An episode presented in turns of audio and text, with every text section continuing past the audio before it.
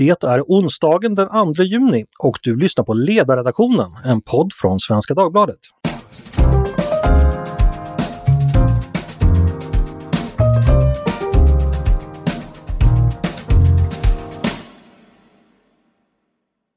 Under en lång tid har politiken av naturliga skäl dominerats av pandemin, endast avbruten av ett och annat snabbt uppblossande debattskott kring gängskjutningar.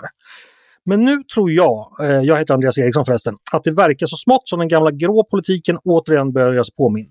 Hyresregleringar, statsskuld och skola börjar dyka upp som nya inslag i nyhetsflödet. Och idag ska vi prata om något av det mest traditionellt politiska som finns, nämligen skatter. Med mig för att göra det har jag Patrik Krasén som är skattepolitisk expert på Företagarna. Hej Patrik! Hejsan! Och så har jag med mig Emil Källström som ett tag till i alla fall är eh, riksdagsledamot och ekonomisk-politisk talesperson för Centerpartiet. Välkommen Emil! Tack så mycket! Och Kalle Sundin som är utredare på det fackliga idéinstitutet Katalys. Välkommen Kalle! Tackar! Bakgrunden till dagens diskussion är att en socialdemokratisk arbetsgrupp tagit fram en rapport för partiets framtida fördelningspolitik. Eh, där i ingår och förstås tankar om skatter. Flera förslag på nya kapitalskatter har redan vållat diskussion, bland annat det som eh, mm, Socialdemokraterna själva kommunicerar på DN Debatt som man kallar miljonärskatten, som så vitt jag begriper är någon ny typ av förmögenhetsskatt. Eh, dels ska kapitalinkomster från fåmansbolag också skattas på ett annorlunda sätt. Det handlar om det jag brukar kalla de så kallade 3.12-reglerna. Och så är det sparande på eh, ISK-konton eh, som också ska få ett takbelopp eventuellt. Bland annat. En del förslag vi känner igen, en del nyheter kanske. Debatt har det blivit i alla fall. Eh, många har skrikit i högan sky och avvisat idéerna. Eh, jag som liberal är naturligtvis själv djupt provocerad men ändå beredd att gå till botten med de här förslagen. Eh, om vi ska börja med dig, Kalle, utifrån ett socialdemokratiskt perspektiv. Eh, det här förslaget som finns med i rapporten, vad, vad är, det, är det några nya saker där från ett S-perspektiv eller är det några, finns det några överraskningar eller är det gamla saker? Vad säger du? Nej, men det är väl inga jätteöverraskningar skulle jag säga. Alltså, det är ju sådant som, som partiet pekat ut som nödvändigt länge. Men nu tas väl ett, eh, ett, ett ordentligt steg för första gången på länge. Eh, och det är ju än så länge inte så väldigt mycket specificerade förslag. Så jag ser väl det mer som en, en viljeyttring från partiet om att eh, de som har störst tillgångar behöver bidra mer till det gemensamma. Och eh, upprustningen av välfärden efter pandemin och inför då den, den demografiska utmaning som vi ju ser framför oss. Eh, jag tycker att det här kommer i rätt tid. Eh, vi är nu i ett läge där skattebetalarna ligger ute med väldigt stora stödpaket för att vi ska klara coronakrisen när välfärdens personal sliter hårt och när med arbetslöshet då eh, härjar i många branscher efter pandemin. Eh, och samtidigt har vi ju sett att de allra rikastes tillgångar har vuxit under den här perioden. Eh, alltså en, en, undersökning i Financial Times från förra helgen, tror jag det var, eh, visade ju att svenska dollarmiljardärers andel av vår totala svenska BNP har ökat då från 20% till nästan 30. Och då ska vi komma ihåg att det är en statligt garanterad ekonomisk kaka vi pratar om just nu. Som, som då de här förmögenheterna har vuxit så mycket inom. Så av alla länder i undersökningen så var det faktiskt bara Ryssland som slog oss i, i förmögenhetskoncentration. Så att, och länder som USA, Australien och Kina var ju inte ens nära våra siffror. Så jag tycker att det är rätt tid att de här skatterna på de största tillgångarna diskuteras och, och då förhoppningsvis införs, tycker jag då som socialdemokrat, Alltså vi behöver ett modernt skattesystem som ser till så att alla bidrar rättvist till det gemensamma då, efter bärkraft. Mm. Jag kan väl stanna där. Ja. Eh, ja, vi kan gå vidare till Patrik. Eh, rätt åtgärder i rätt tid, säger Kalle från ett socialdemokratiskt perspektiv. Eh, vad säger du om den här rapporten och de förslag vi har sett? Som sagt, de är inte så utvecklade som Kalle säger, men av det lilla vi har sett hittills. Ja, men själva rapporten är ju för att täcka så många områden som den gör som helhet så är den ganska kortfattad och, och lättviktig. Men det är inte meningen att det ska vara en, en fullständig utredning mer någon slags eh, viljeinriktning. Skatteförslagen upptar bara fyra sidor och är ganska summariska. Men även med det så kan man se att det är en väldigt tydlig vänstergir. Eh, det är höjda skatter för de som jobbar och de som driver företag och, och de som sparar och inte särskilt mycket av sänkta skatter eh, för någon egentligen. Så att eh, både inriktningen och eh, motiveringen till eh, förslagen på skattesidan är mer tydligt vänster än vad jag tycker vi har hört från ledande socialdemokrater de senaste åren, i alla fall i så här samlad form. Ehm, det finns en, en underliggande en underliggande inställning som, som kommer i, till uttryck om att, så att säga, staten vet bäst vad man ska göra med pengarna. Att det, det är onödigt att eh, människor har så himla mycket pengar på sparkonton eller att det är så mycket pengar investerade i fåmansföretag och liknande. Eh, men det, det, säger inte sig självt så att säga att man bara för att man inför en skatt på eh, en kapitaltillgång eller liknande att det per se leder till att det blir en förbättrad offentlig service eller, eller liknande. Det finns inget kausalt samband där. Och där tror jag nog att eh, där kommer Socialdemokraterna behöva så att säga, återkomma och, och beskriva i mer fullo hur man ska lösa de problem som finns i de verksamheter man bedriver. För det görs inte bara på intäktssidan. Ja, det får vi se om de kommer göra det. Och jag vänder mig till dig Emil. I januariavtalet finns det en punkt som faktiskt handlar om en omfattande skattereform. Eh, bland annat med syfte för att utjämna de ekonomiska klyftorna eh, som då Kalle pratar om. Är de här socialdemokratiska förslagen en bra start på en sådan reform? Fast de är ganska oklara än så länge. Vad säger du? Eh, skattereformen eh, ska ju uppnå väldigt många olika saker kan jag väl konstatera. Så därför eh, fanns det ju där en tanke om, om en process där man då först skulle eh, tillsätta ett antal experter, man skulle ha en parlamentarisk grupp som jobbade med detta för att se, liksom, kan, vi, kan vi få en bred politisk förankring kring ett modernt eh, svenskt eh, svensk skattesystem. Och det var ju en, en ganska lång process som skulle, eh, som skulle pågå under den här mandatperioden. Det kom ju en liten pandemi däremellan, så det där, det där arbetet är ju i mångt och mycket egentligen inte ens eh, igångsatt överhuvudtaget. Utan, eh, men, men eh, behovet av att se över det svenska skattesystemet i grunden, men det finns ju givetvis kvar. Däremot så har jag varit kritisk mot flera av de här förslagen och Centerpartiets vägnar och det är ju för att vi upplever att det går ju emot andan i flera andra punkter i januariavtalet. Jag menar, eh, den här socialdemokratiska arbetsgruppen vill försämra 3.12 och beskattningen för egenföretagare. Men, och där finns det ju en punkt i JA eh, som handlar om just 3.12. Men där handlar det om att det ska bli enklare och mer förmånligt att eh, eh, att, eh, att bedriva företag i Sverige. Så där skulle ju 3.12-reglerna snarare göras mer gynnsamma för svenska företagare. Okej, okay. eh, Patrik sa tidigare att det här var en vänstergir från Socialdemokraternas sida. Eh, Kalle och Emil, håller ni med om det? Vad säger du Kalle, är det så?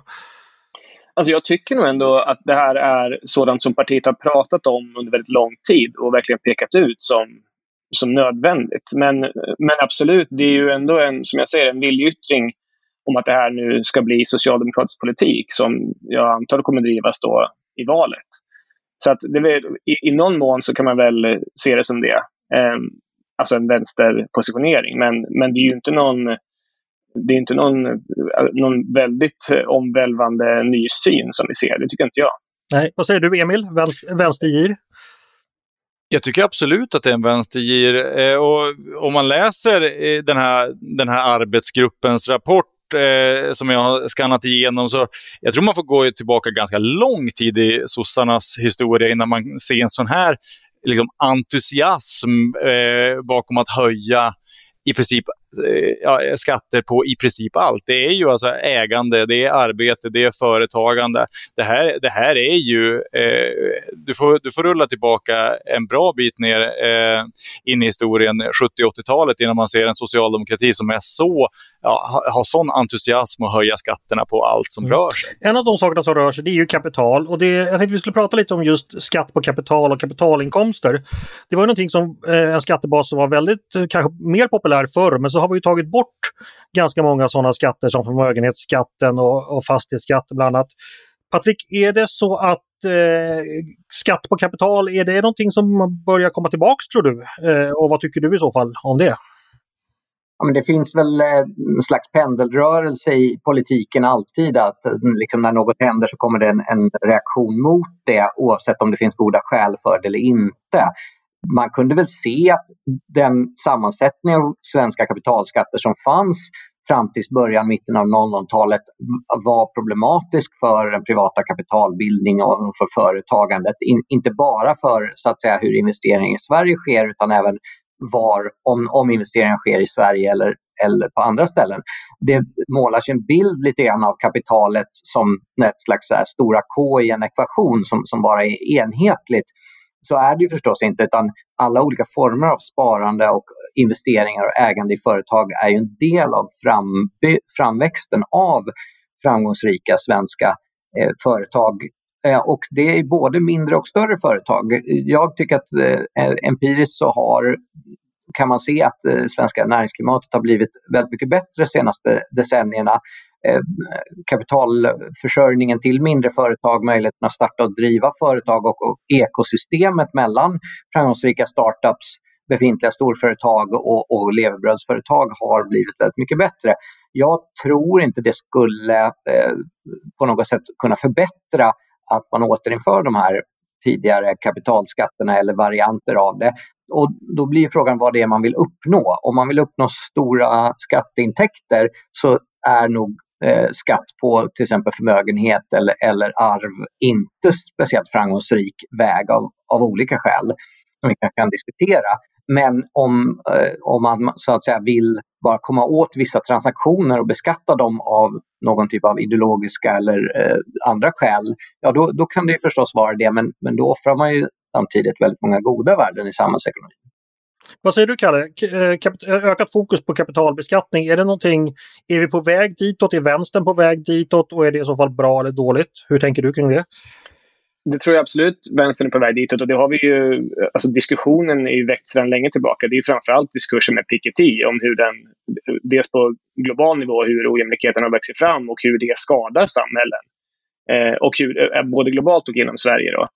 Eh, men jag vill ju ställa som en mot... Eh, alltså, jag, jag ser ju att vi behöver ett rättvist system eh, som ser till att vi får in pengar till statskassan som, som används för gemensamma utmaningar i välfärden. Dels då bygga, återuppbyggnad efter pandemin och dels eh, möta den demografiska förändringen som, som vi är inne i. Men också i klimatomställningen. Alltså, jag är en stor förespråkare av klimatkeynesianism eh, där vi satsar stort på industriomställning, infrastruktur, sysselsättning ute i landet som ju skapar skatteintäkter och välfärd eh, till Sverige. Och ger Sverige en... Eh, alltså klarar vi omställningen så ger vi Sverige en enormt gynnsam position i den globala ekonomin.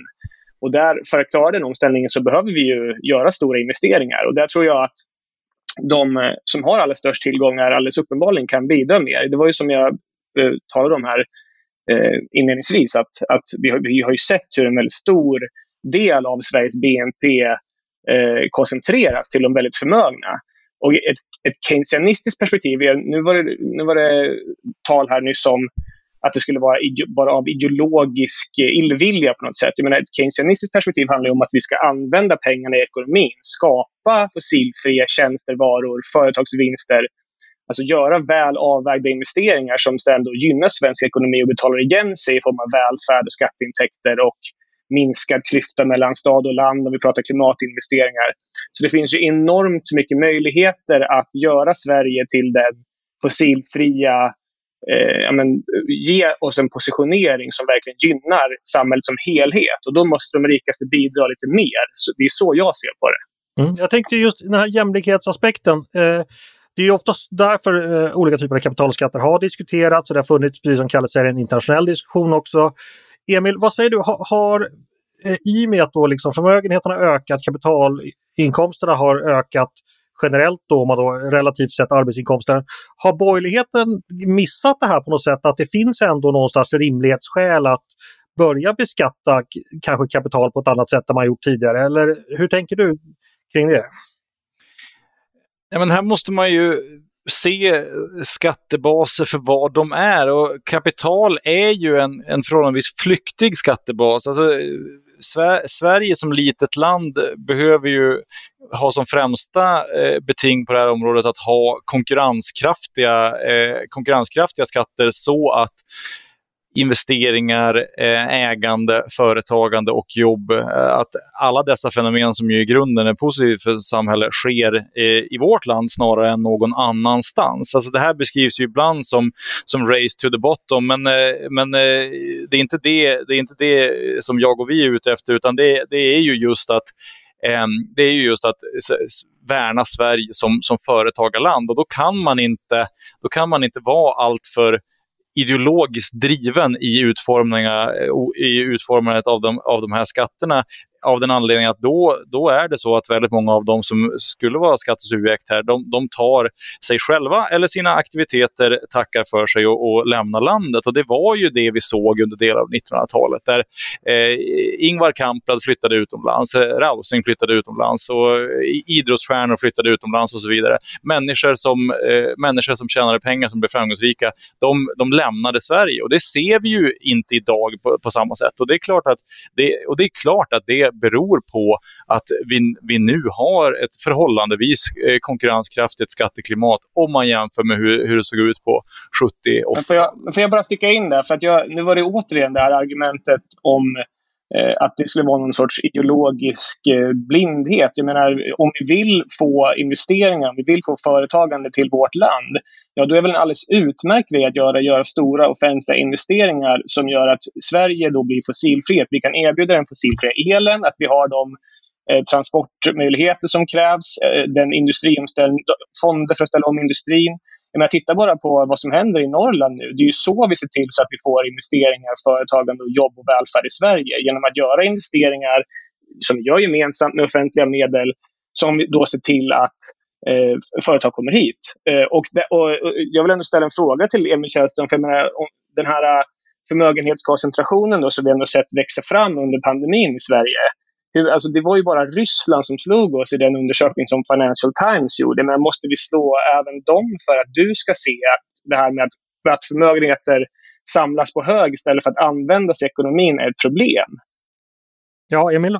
Kan. Men eh, det är ju, du har ju två poänger där. Och när det gäller, när det gäller den senare, där, Kalle, så alltså, man kan ju bevisa i princip vad som helst med, med statistik och, och skillnaden, eh, alltså mäter man skillnaden eh, eller mäter man den, eh, det faktiska läget i absoluta tal. Och Sverige är ju fortfarande ett av världens mest jämlika länder. Eh, så, så är det ju. Och när det gäller, eh, när det gäller den nya industri, industriella vågen som vi ser inte minst i norra Sverige, så oerhört glädjande. Eh, där handlar det ju så som jag ser det att göra både och. Alltså det, det är klart att det krävs ordentliga offentliga investeringar i såväl infrastruktur som elnät och andra saker. Eh, och det sker ju redan idag. Det går ju alltså att skruva upp då, de ambitionerna utan att införa kapitalskatter. Ibland så, ibland så liksom, vi, talar vi om det här som om Sverige var ett globalt lågskatteland med inga offentliga resurser. Vi har ju alltså fortfarande ett av världens högsta skattetryck, så vi har ju goda möjligheter att investera i såväl miljöteknik som infrastruktur och allt annat som behövs för eh, inte minst utbildning och forskning. Sa, eh, vi har möjlighet att göra det utan att hitta på nya kapitalskatter. Jag, jag tänkte vända mig till dig Patrik. Nu diskuterar ju både Kalle och Emil här ett företagarperspektiv och vilka investeringar som krävs för ett företagsklimat.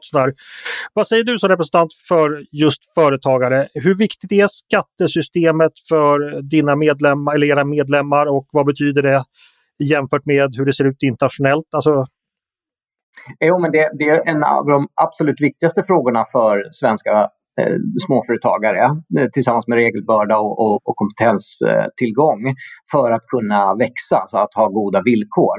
Och då är det när det gäller så att säga, de här mer övergripande investeringsmiljön och eh, liknande, då är det relevant att jämföra internationellt förstås. Och, men går man ner på den, så att säga, till den enskilda företagaren så är det likväl relevant att man ser hur vad får jag så att säga tillbaka för den, den tid jag lägger ner på att driva företag istället för att vara anställd, den risk jag tar, den extra ansträngning jag behöver, att jag kan ta ut mindre semester och kanske kan vara ledig mindre än om jag hade varit anställd. Det är liksom det personliga utöver att man ofta vill driva företag för att man är intresserad av någonting. Men också vad finns det för incitament för mig att växa mitt företag, att anställa fler fyra av fem nya jobb i svensk ekonomi sedan 1990 har skapats i små och medelstora företag. Så det är väldigt viktigt för både den kortsiktiga återhämtningen men också att, att Sverige ska ha en, en välfungerande ekonomi, att jobbskapandet i privat sektor kan fortsätta ske och det kommer med största sannolikhet att vara i de små och medelstora företagen. Sen liksom vilken sektor det, det, är, det beror ju på vad som efterfrågas och var det är möjligt att ha att säga, affärer. Och då är det viktigt att både företagaren själv och den som eh, hen anställer har ja, förmånliga skattevillkor. Eh, jämfört, med att, eh, jämfört med att vara anställd så, så är det ju så ändå att man tar en viss risk när man är företagare. Jag ska över till Kalle. Jag tänkte, vi har ju pratat här om att eh, det, var, det fanns en större del kapitalskatter tidigare och många av dem togs ju bort faktiskt. Många av dem var Socialdemokraterna själva för att dels det Emil säger att kapital är ett lättflyktig skattebas som tenderar att försvinna iväg, men också för att det ansågs vara problematiskt av andra skäl. Är inte de skälen giltiga längre skulle du säga? Eller hur, hur tänker du när man, om man då ska liksom tänka sig en mer av kapitalbeskattning i framtiden? Ja, jag tänker att man inte får vara lat, att man måste politikutveckla.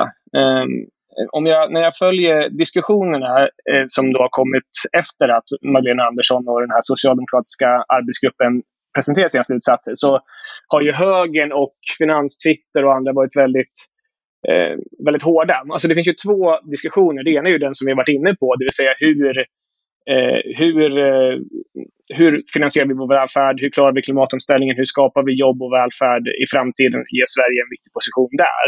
Och hur finansierar vi det? Behöver vi kapitalbeskattning till det? Så det är ju en diskussion. Men sen är det en annan diskussion som förs om de specifika förslagen. Och det är den du, fråga, det, är det du är lite inne på nu i din fråga. Att mm. hur, hur utformar vi specifika eh, beskattningar för att de ska träffa rätt och ge rätt effekter? Eh, och där har man ju olika ingångar utifrån olika politiska läger.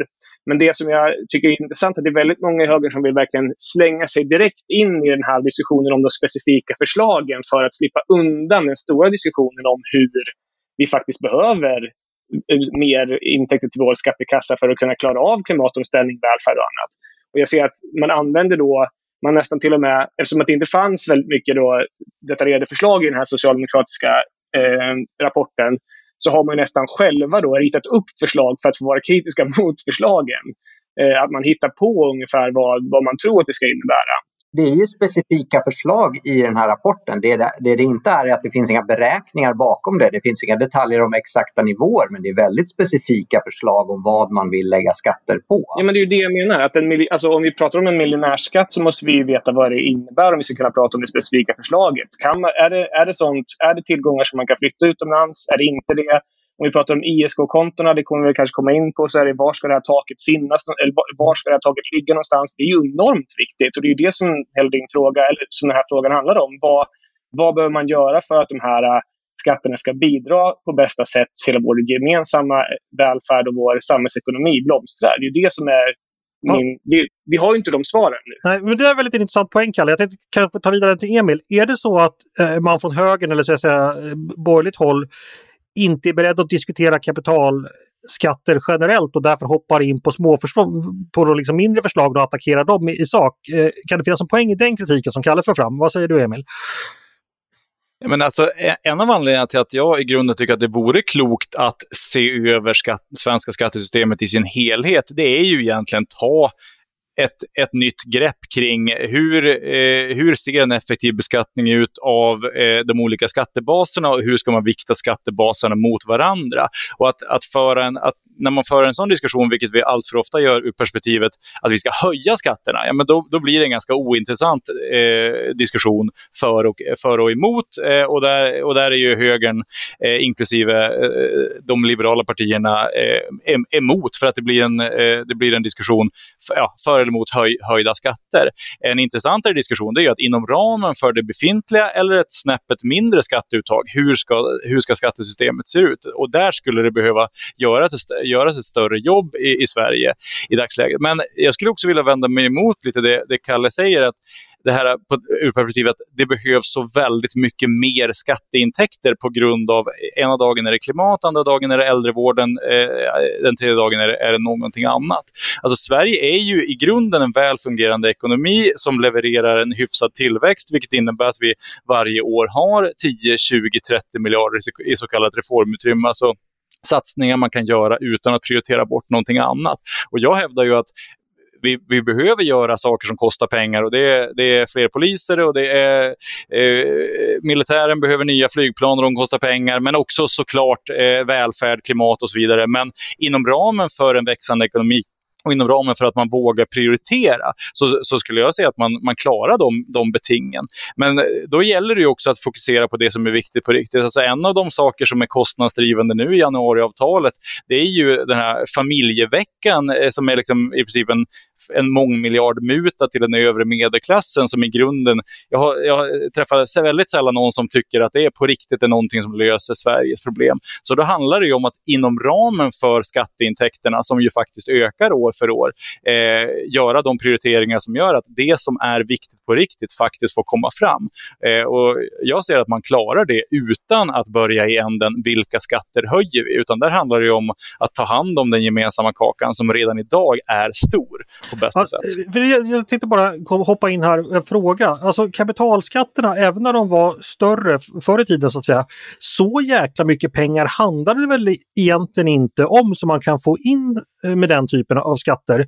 Eller Kalle, när du, vad ser du framför dig att vi, vi talar om för, för andel av de totala skatteintäkterna som skulle då komma från just skattebasen kapital?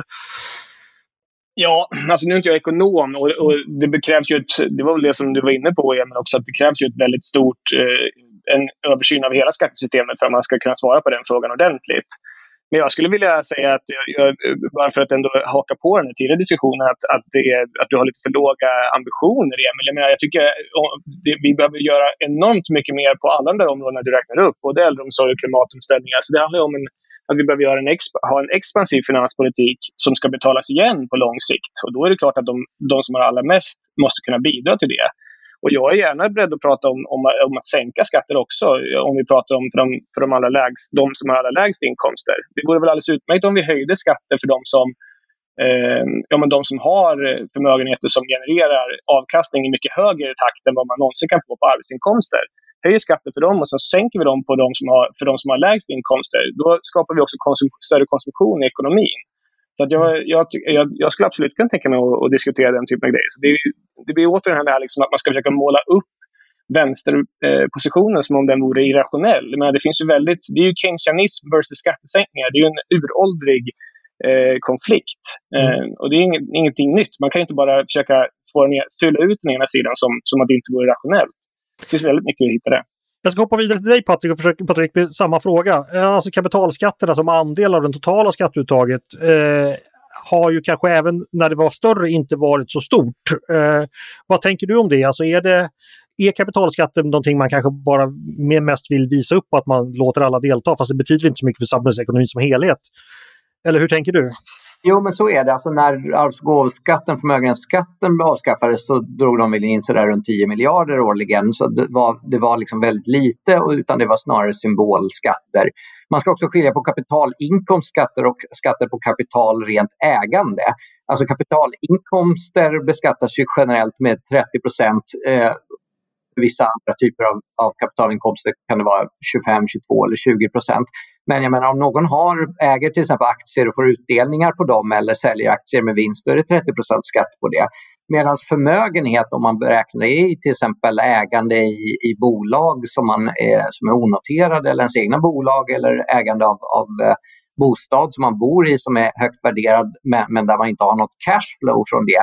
Då tror jag att det är väldigt låg legitimitet i att man ska säga att du, du får ta och ja, se till att rassla fram pengarna här antingen genom att sälja av dina tillgångar för att kunna betala de här skatterna e, eller genom att låna till de här skatterna. Det var det som var problemet med fastighetsskatten till exempel så som den var utformad förut.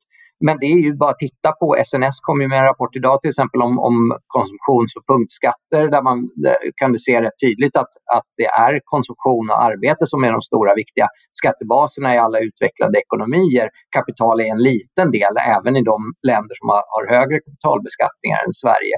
Sverige ligger inte speciellt eh, långt bort från jämförbara länder som Tyskland Danmark, eh, Österrike och, och, och, ligger i paritet med många av de nyare EU-länderna när det gäller hur stor del av skatteintäkterna som kommer från Okej, tack kapital. Patrik. Jag, ska bolla tillbaka till Kalle där bara. Eh, det Patrik säger då, det stämmer också med vad jag vet, att det, det, är inte så jättemycket som man tar ut på kapital. Och då tänker jag så här att det här med talet om miljonärskatt och så där, hur mycket av det är liksom en show-off och hur mycket reella jämlikhetsambitioner finns det bakom här? Också givet att det brukar vara ganska enkelt att, eller enkelt, det brukar gå att komma undan kapitalskatter på sätt och vis. Förstår du vad jag är ute efter? Finns det liksom mer snarare att man vill politiskt verka potent att alla ska bidra än att man egentligen vill dra in pengar för jämlikhetens skull. Ja, men jag hoppas ju verkligen att man vill dra in pengar för, för jämlikhetens skull, framförallt för att vår ekonomi ska, ska gå framåt. Men, men jag menar, så här, det finns ju det behövs absolut göra en, en, skatt, en, en övertäckande skattereform för där man tar in alla de här skatterna som, ju, som vi alla här har varit inne på i olika sammanhang. Eh, där, man, där man tar in det. Men nu pratar vi om just kapitalbeskattning i det här programmet. Och det är, väl klart vi ska också diskutera vad kan det bidra till. Återigen vill jag säga det, man ska inte vara lat i det här. Jag menar, även, om det finns, även om det finns svårigheter med att göra vissa beskattningar är det, ett, eh, är det en intäkt då för att man inte ska göra det alls? Det verkar vara lite så när jag hör högern ibland i de här frågorna. Alltså man, vissa på högersidan accepterar ju också verkligen att vi behöver ha högre skatter på de som har allra högst tillgångar. Då är det väl ett ganska svag, eller det är ett svaghetstecken om man inte lyckas vara kreativ nog att man ser till så att man utformar de skatterna på ett sätt som ger rätt effekt. Vi får väl se hur mycket det skulle kunna dra in till statskassan. Eh, det beror på då om det om vi pratar om, eh, nu har ju Socialdemokraterna eh, uteslutit till exempel en progressiv fastighetsskatt på de allra dyraste villorna. Men det, där pratar vi ändå ganska rejäl hacka till som kan gå till äldreomsorg, till klimatomställning och som då år efter år genererar intäkter. Vi ska komma ihåg att på, eh, under några decenniers tid så har vi ju sänkt skatterna väldigt mycket. Så att vi har ju, vi, jag vet inte exakta årtalet, men det finns ju två jämförelsepunkter. Under 91 fram till nu så Eh, det skatteintag eller det skattenivåer som, som gällde då hade ju genererat 300 miljarder om året i Sverige idag. Så att, eh, och där är ju, eh, där är ju bort, eh, att vi har tagit bort då alla de här skatterna. Att Reinfeldt-regeringen eh, tog bort alla skatter på alltså arvs och gåvoskatt, fastighetsskatt, Eh, nu har vi dessutom en, en regressiv fastighetsavgift som, som snarare drabbar de som har, eh, sitter på hus ute i landet. Men det, det, det är väldigt mycket som både utav, utifrån rättviseskäl och utav eh, anledningen att vi behöver få in skatteintäkter för att göra de viktiga investeringarna för Sverige. Som, som, därför måste vi göra de här mm. eh, reformerna. Du nämner fastighetsskatt. Jag tänkte det skulle vara, eh, om vi ska summera upp lite, för att fastighetsskatten eh, ansågs ju ha ganska kraftig opinionspåverkan för att många människor som betalar den gillar inte den av naturliga skäl. Det blir min sista fråga till er faktiskt. Vad tror ni väljarna befinner sig i den här frågan? Eh, är man beredd att betala högre skatter på eh, dels kapitalägande och dels på kapitalinkomster? Och eh, om det blir en politisk fråga i valrörelsen, vad, ja, hur tror ni det spelar ut så att säga bland väljarna? vad, vad säger du Emil? Jag känner väl egentligen inget större väljartryck i ändra riktning. Eh, men I någon mån, vi, Centerpartiet gick ju på något av en smäll för ett drygt år sedan då en majoritet bestående av M, KD, V och SD stoppade en av våra arbetsgivaravgiftssänkningar. Och det är klart att det gjorde man ju eh, för att man såg att det var inte så, det var inte så stor fara med att, med att stoppa en skattesänkning för, för företag och lägga de pengarna på kommunerna. Och det var ju dessutom då, eh, ja, två till tre högerpartier som var med i den konstellationen. Eh, så att eh, helt uppenbart så finns det ju inget större, eh, åtminstone inte då, fanns no, det fanns ingen större folklig ilska när, när skattesänkningar stoppades, utan väljarkåren befann sig liksom någon annanstans. Jag tror dock inte att man ska tolka det som att det finns någon stor entusiasm för att höja skatter. Jag ska, tycker snarare att man ska tolka det för att för nu är nog väljarkåren förhållandevis eh, nöjda med, med nivån och, på skatteuttaget överhuvudtaget. Det är min läsning. Alltså, personligen är jag ju, sänker jag ju gärna skatten i, i Sverige, men, eh, men eh, det är väl bara att, att vara ärlig och säga att väljarnas eh, absoluta intressefrågor finns ju någon annanstans. Eh, vad säger du Kalle, vad tror du väljarna, skulle det här kunna vara en valvinnarfråga för Socialdemokraterna eller bryr sig väljarna inte eller är de emot? Hur tänker du?